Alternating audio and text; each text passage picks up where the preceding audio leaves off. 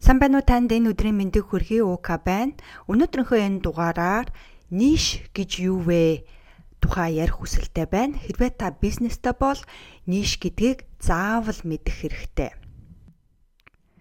За өмнөх дугаараас би нэлээд олон загтал хүлээж авсан байгаа. Жишээлх юм бол би энд Баярмаагаас ирсэн загтлыг уншия. Маш их баярлаа. Урд нь олон загтал хүлээж авдаг байсан боловч яг үнэндээ бүгдийг нь дуустал дуустал нь уншдаггүй байсан. Энэ удаагийн загтлыг бүгдийг нь уншлаа. Үнэхээр хэрэгтэй мэдээлэл өгч чадлаа. Улам их амжилт хүсье гэдэг загтал хүлээж авсан байгаа. Маш их баярлаа. Баярмаа цаашид ч гэсэн хэрэгтэй мэдээллүүдийг имэйлээр явуулж байх болно. Алгасалгүй уншихыг хичээгээрэй гэдгийг хэлэх хүсэлтэй байна. Бац цэцгээс ирсэн цагтл байна. Хөөх баярлаа хайраа ямар гоё бусдаас ялгарсан онцлог зөвлөмж бэ. Сургалтууд үн төлбөртэй юу багшаа гэж асуусан байна. Баярлаа бац цэцгээ. А сургалтууд үн төлбөртэй. Миний YouTube дээр оруулж байгаа бүх мэдээллүүд, подкастууд тань руу илгээж байгаа цагтлууд бол ямар ч үн төлбөргүй мэдээллүүд би илгээж байгаа. А харин сургалтууд бол үн төлбөртэй байгаа. Супер 6 трафик бясалгалууд бол үн төлбөртэй байгаа. Тэгэхээр би загтал бүрийн доор оруулж байгаа. Тэрэн дээр дараад хідэн төгрөг болохыг нь мэдэх боломжтой. Сургалт хэрхэн явагдах вэ? Ямар ямар юмнууд багтаасан байгаа бүгдийг оруулсан байгаа. Тийшээ ороод мэдээлэл авах боломжтой шүү бац эсгээ над руу илгээж байгаа загтал бүрийг би нэгд нэгэнгүү уншдаг, унших дуртай. А хэрвээ та надаас загтал хүлээж авдаг бол тэр загтал руу хариу захиа бичиж болно. А бодол санаагаа надтай хуваалцаж болно сэтгэлдээ үлдээж болно. А хэрвээ та надаас загтал авдаггүй а тэгээ загтал хүлээж авах хүсэлтэй байгаа бол uka.com руу ороод миний захин мэдээлэлд бүртгүүлээрээ тэндээ нэрээ имэйлээ хийж бүртгүүлэх нүх байгаа. Тэр нүхэн дээр нэрээ имэйлээ бүртгүүлснээр би шин мэдээллүүдэд тань руу имэйлээр илгээж байх болно. А мөн надтай холбоотой буюу хүсгийн хүртэй холбоотой, хүсгийн хүрийн хамт олонтой холбоотой бүхэл мэдээллүүдийг имэйлээр хүлээж авах боломжтой болно. Хэрвээ та бизнесийн ертөнцид орсон, ороод удаагүй байгаа, эсвэл орохыг хүсэж байгаа бол ниш гэж юу вэ гэдгийг зайлшгүй мэдэх хэрэгтэй. Нишээ нарийн сайн тодорхойлсноор нэгдүгээрт зорилтод худалдан авагчид үйлчлүүлэгчэд хэрэглэгчтэй олоход амархан болно. Хоёрдугаарт маркетингаа зөв хийхэд амархан болно. Гуравдугаарт бусдаас ялгарах боломж нээгдэнэ. Дөрөвдүгээрт анх бизнесээ бүтээж байгаа бол бизнесийн суурь маш сайн тавигдана. Тавдугаарт зөв хүмүүст ирч хүч цаг заваа зарцуулна. Ингээд зургдугаарт бизнесээ цааш нь зөв ашигтай хөгжүүлнэ. Тиймээс ниш гэж юу вэ гэдгийг маш сайн мэдэх хэрэгтэй болно. За тэгэхээр ниш гэж юу вэ? Та хүс хий хүр уука төмрийн хамт подкаст сонсож байна. Та энэ подкастаас оюун ухаан, бие махбод, зүрх сэтгэлээ хамтд нь тууштай хөгжүүлж бизнесийн, фитнесийн, хувийн амжилтанд хүрэхэд туслах мэдээлэл, зөвлөгөө, арга барилуудаас суралцах болно. Хэрвээ та амжилтанд хүрэх хүсэлтэй бол нааша суугаад подкастаа сонсноо. Өнөөдрийн дугаарыг та сонссноор ниш гэж юу вэ гэдгийг мэдэх болно. А мөн сонгосон нишээ зах зээл дээр яаж мэдэгдүүлэх вэ гэдгийг мэдэх болно. Заавал нишээ сонгох ёстой юу гэдгээ мэдэх болно. А мөн ниш шээр тэд зах зээл дээр нишээ сонгох хэрхэн яаж сонгох вэ жишээнүүд оруулсан байгаа түүнийг мэдэх болно. А нишээ сонгохын давуу тал юу вэ гэдгийг бас мэдэх болно. Англи нэр нь NICHE гэж бичнэ. Ниш гэж дуудаж болно. Зарим тохиолдолд нич гэж дуудаж болно. Ниш эсвэл нич. А тэгэхээр ниш гэдэг нь таны бараа бүтээгдэхүүн үйлчилгээ ямар хүмүүсийн ямар асуудал бэрхшээлийг шийдвэрлэхэд туслах вэ? Тэр шийдэл нь юу вэ? Тэдэнд ямар ашиг тус үзүүлэх вэ гэдгийг тодорхой болгохыг хэлнэ. Товчхон хэлэхэд ниш бол таны зорилтод худалдан авагчид болно тэдэнд хэрхэн тусалж байгаагийн нэгдэл юм. Өөрөөр тодруулбал ниш гэдэг нь илүү тодорхой болгохыг хэлнэ. Бид бүтээгдэхүүнээ борлуулахын тулд эхлээд бидний хүрэх хүсэлтэд бүлэг хүмүүс хэр өргөн хүрээнд хүрээтэй байх вэ? Эсвэл хэр нарийн жижиг болохыг тодорхойлдог. Тиймээс маркетингд масс маркет, масс зах зээл, а ниш маркет ниш зах зээл гэсэн нэр томьёог ашигладаг. Масс зах зээл бол маш ерөнхий өргөн хүрээнд авч үздэг байхад ниш маркет бол эсрэгээр нь маш жижиг хүрээнд авч үздэг. Масс зах зээл бол баг бүх хүн гэсэн утгатай байхад ниш зах зээл жижиг бүлэг хүн гэж ойлгож болно. Би өмнөх дугаар дээр хэрэглэгч худалдан авагчдаа таньж мэдэх тухай оруулсан байгаа. Ихэнх бизнес эрхлэгчдийн гаргадаг алдаа бол бараа бүтээгдэхүүнээ бүхэл хүнд зарах гэд хичээдэг тухай тэр дугаар дээр ярьсан байгаа. Яагад гэвэл тэд ниш маркета нэгсэндөө ниш зах зээлээ сонгож тодорхой болгоогүй байдагт оршино. Тэд ихэвчлэн масс зах зээлийг сонгодог. Бүх хүнд бараа бүтээгдэхүүнээ зарах гад байдаг тийм ээ. Хэрвээ та өмнөх дугаарыг сонсохыг хүсвэл Google-ээс бизнесээ маркетлахаас өмнө мэдэх зүйлүүд гэд хайгаад сонсороо. Хэрвээ хайгаад олохгүй байвал миний Instagram DM рүү 57 гэд явуулаараа би тань руу холбоосыг нь явуулах болно. За тэгэхээр би энд ниш маркет гэж юу болохыг улам сайн ойлгуулахын тулд ниш маркета тодорхойлох хэдэн жишээ оруулъя.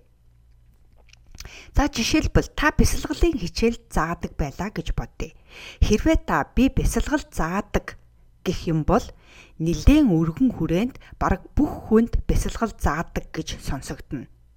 Ихэнх хүмүүс түүнийг чинь уншаад аа бясалгал заадаг юм байна гэж бодохч өөр дээрээ тусгаж авахгүй. Хэрвээ та би төрсөн эхчүүдэд зориулж бясалгал заадаг гэвэл арай тодорхой болгосон ч бас л ерөнхий сонсогдно. За тэгвэл бүр тодорхой болгохын тулд би төрөөд удаагүй гэртээ хүүхдүүдэд хардаг ээж нарт бясалгал заадаг гэвэл арай илүү нарийн тодорхой болно тийм үү? А харин бүр цаашлуулад бүр нарийн болгох юм бол би төрөөд удаагүй гэртээ хүүхдүүдэд хардаг 25-аас 30 насны эмэгтэйчүүдэд бясалгал заадаг гэх юм бол улам сайн нарийн болгож чадлаа гэж үзэж болно. Үүнийг сонссон бясалгал хийх хүсэлтэй 25-аас 30 насны төрөөд удаагүй байгаа нэгээс дээш хүүхэдтэй ээж нар сонсоод өөртөө нь шууд уйлдаж байгаа учраас өөр дөрөө хүлээж аавна Ингээ хоёрдугаарт цааш нь гүнзгий мэдхийг хүснэ. Гуравдугаарт та болон танаа бараа бүтээгдэхүүний талаар илүү мэдхийг хүснэ. Гэхдээ зарим хүмүүс ингэж боддог л доо. Миний бясалгалууд ганцхан төрөөд удаагүй гэрте байгаа 25-аас 30 насны ээж нарт зориулаагүй. Ер нь бол бүхэл ээж нарт зориулсан. Тийм болохоор бүхэл ээж нарт зарж болдгүй юм уу гэж бодож байгаа бол миний хариулт юу вэ гэвэл бизнесээ эхлүүлээд удаагүй байгаа тохиолдолд эхлээд тодорхой бүлэг хүмүүсийг татснаар бараа бүтээгдэхүүнээ хурдан борлуулах боломжтой байдаг. Мөн дээр хэлсэн байгаа маркетинга хийхэд амархан байх болно. Тэгээд мөнгөө олоод цааш цаашаа бизнес хөгжих үед нийшээ дахиж сольж болно. Хид хідэн ч удаа сольж өөрчилж болохоос гадна хид хідэн нийш зэрэг сонгох бас боломжтой байдаг хэрвээ та бараа бүтээгдэхүүнээ би дахин хэлье хэрвээ та бараа бүтээгдэхүүнээ хүн бүрт зарахыг хичээх юм бол хинч зарж чадахгүй. Тэм учраас ниш маркета эхлээд заавал сонгох нь зүйтэй байдаг. Цааш нь үргэлжлүүлэхээс өмнө би Gels нэгэн зар дуулгая. Хэрвээ та өнөөдрөөс бизнес брэндээ бусдад таниулж, олны танил болж интернет, сошиал медиагаас боломжит худалдан авагчдыг бүрдүүлж мөнгө хийхийг хүсэж байгаа бол би таныг трафик сургалтандаа урьж байна. Онлайн сургалт байгаа. Энэхүү сургалтаар би танд яаж бизнесээ мөнгө зарцуулахгүйгээр бусдад мэдүүлэх вэ?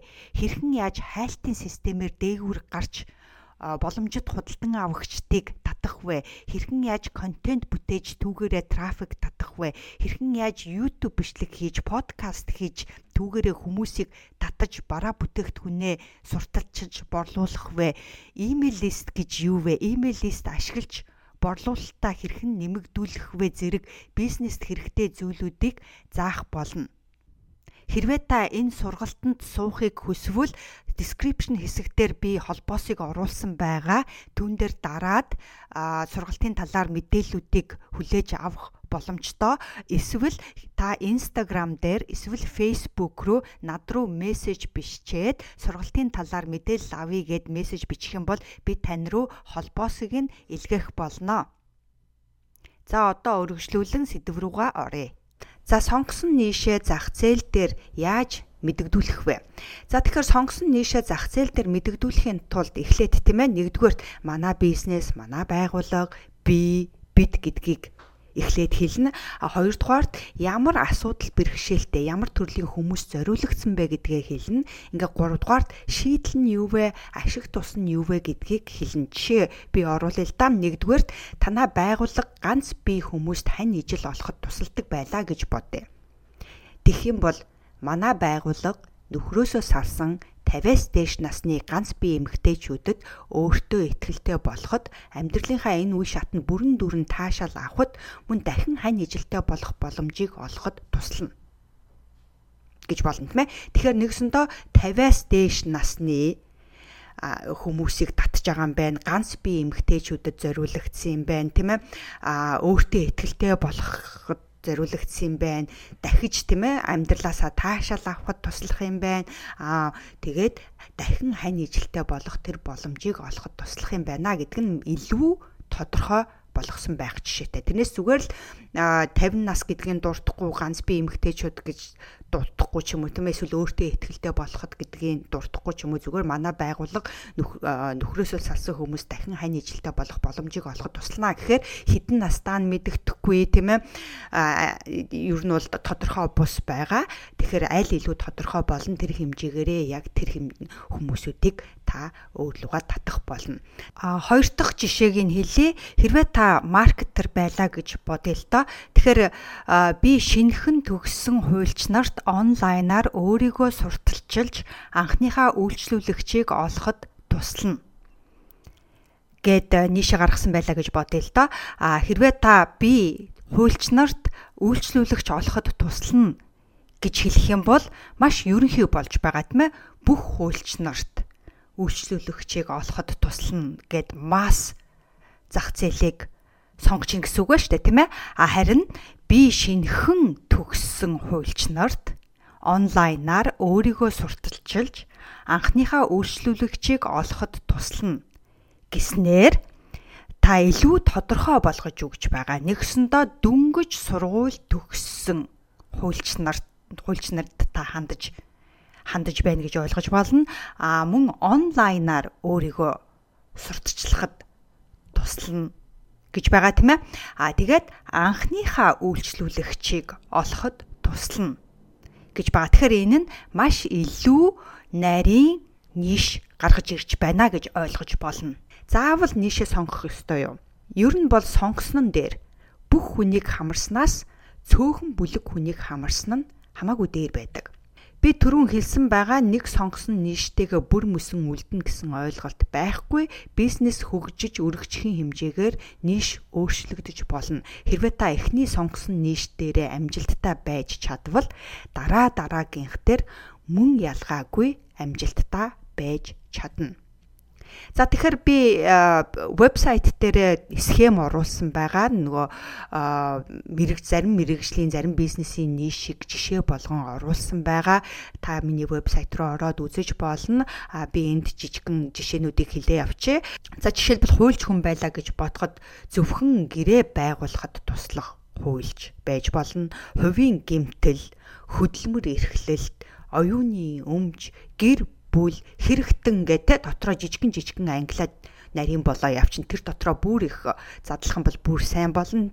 А хэрвээ та сэлбэрчин байлаа гэхэд зөвхөн бурхан сэлдэг юм уу тийм ээ морь сэлдэг юм уу эртний баатруудыг сэлдэг юм уу гэд зөвхөн нэг ниш сонгоод тэрийг сурталчлаад тэрүүгээрээ мөнгө хийх боломжтой.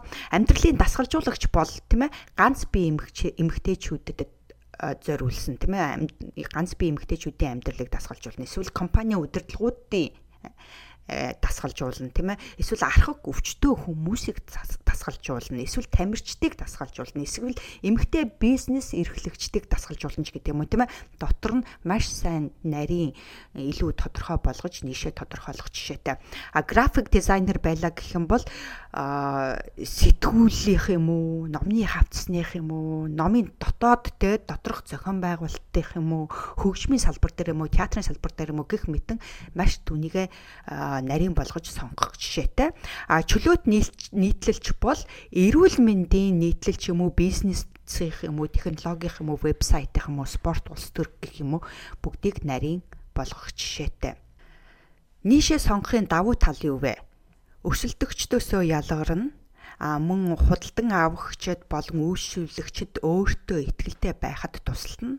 Учир нь тэдний хэрэгцээг ойлгодог эрх бүхий байгууллагатай хамтран ажиллаж байгаагаа мэдэх болно. А таны санал болгож буй зүйл үйлчлүүлэгчдийн эхний сонголт болох боломжтой а мөн та нарийн мэрэгжлийн чиглэлийнхээ дагуу үнэ өсгөх боломжтой бизнесийнхээ нишийг нарийн тодорхойлбол та хамгийн тохиромжтой гих үйлчлүүлэгчдээсээ илүү их бизнесийг татхаас гадна илүү өндөр төлбөр авах боломжтойгоороо давуу талтай юм. За бизнесийнхээ нишийг яаж сонгох вэ? Энэ сэдвэр би YouTube дээр short хийсэн байгаа. А хэрвээ та түүнийг үзэх хүсэлтэй байгаа бол миний YouTube руу ороод шортууд дээр дараад үзэх боломжтой. Эсвэл та миний вебсайт руу ороод өнөөдрийн энэ дугаарыг нээгээд тэнд би холбоосыг нь оруулсан байгаа. Тэгэхээр тэн дээр дараад YouTube-ний YouTube шортыг үзэх боломжтой. Бизнесийнхээ нишийг яаж сонгох вэ гэдэг шорт оруулсан байгаа. За тэгэхээр энэ бичлэгээс та ниш гэж юу вэ тухай тодорхой мэдлэгтэй болсон байхаа гэж найдаж байна. Аа тэгэхээр танаас хүсэх хүсэлт байна юу вэ гэвэл хэрвээ танд миний энэ подкастаар оруулж байгаа дугаарууд таалагдчихж байгаа бол та Apple Podcast руу ороод сэтгэлдээ үлдээх юм бол би маш их баярлах болноо. А мөн YouTube сувг руу ороод та subscribe хийж болно. Тэн дээр та комментоо бас үлдээж болно. Ука төмөр.com руу ороод блог гэдэг дээр дараад тэнд миний оруулж байгаа бичлэгүүд байгаа.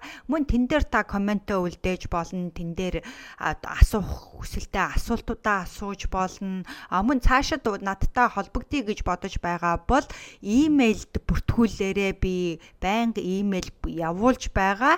Тэгээд над руу ийм явуулсан имэйл рүү хариу бичээд мөн надтай холбогдох боломжтой. Сошиал медианууд дээр надтай холбогдох боломжтой. Би Instagram дээр, Facebook дээр, Twitter дээр, Threads дээр TikTok дээр бүгдээрэн дээр нь байгаа тэнд надтай бас холбогдох боломжтой.